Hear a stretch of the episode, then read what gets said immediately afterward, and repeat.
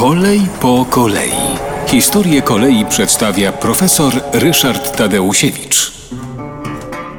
W zaborach y, Polska miała trzy systemy kolejowe, odpowiednio związane z systemami kolei rosyjskich, y, pruskich i austriackich i wobec tego bardzo te systemy się różniły ze sobą. W przypadku systemu rosyjskiego nawet rozstawem szyn, bo y, prawdopodobnie wszyscy Państwo wiecie, że rozstaw szyn do dzisiaj w Rosji jest szerszy niż w reszcie Europy.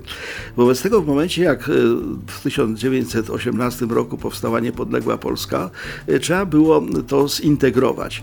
Od razu zdecydowano się, że zostanie przyjęty w, na terenie całej Polski, a więc także dawnego zaboru rosyjskiego, system e, europejski, to znaczy taki jak niemiecki i austriacki.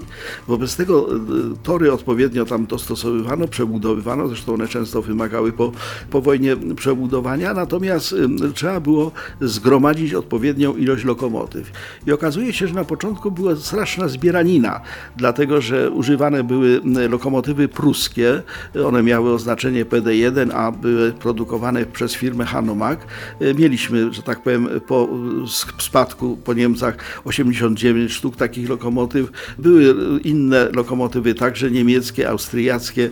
No, natomiast po raz pierwszy w 1919 roku utworzony został pierwszy polski producent, nazywał się Fablok i ten Fablok zaczął dostarczać od 1932 roku pierwszych polskich lokomotyw. Te lokomotywy polskie pierwsze, przedwojenne jeszcze w okresie międzywojennym nazywały się PT-31, wyprodukowano ich 110 sztuk oraz OK-22, 190 sztuk. Co ciekawe, takim elementem wyposażenia taboru kolejowego przedwojennego były tak zwane luxtorpedy. Luxtorpedy to były de facto takie wagony z napędem, coś w rodzaju autobusu na szynach, które miały napęd spalinowy, natomiast rozwijały bardzo duże szybkości i miały taką aerodynamiczną budowę, bardzo ofensywnie wyglądały.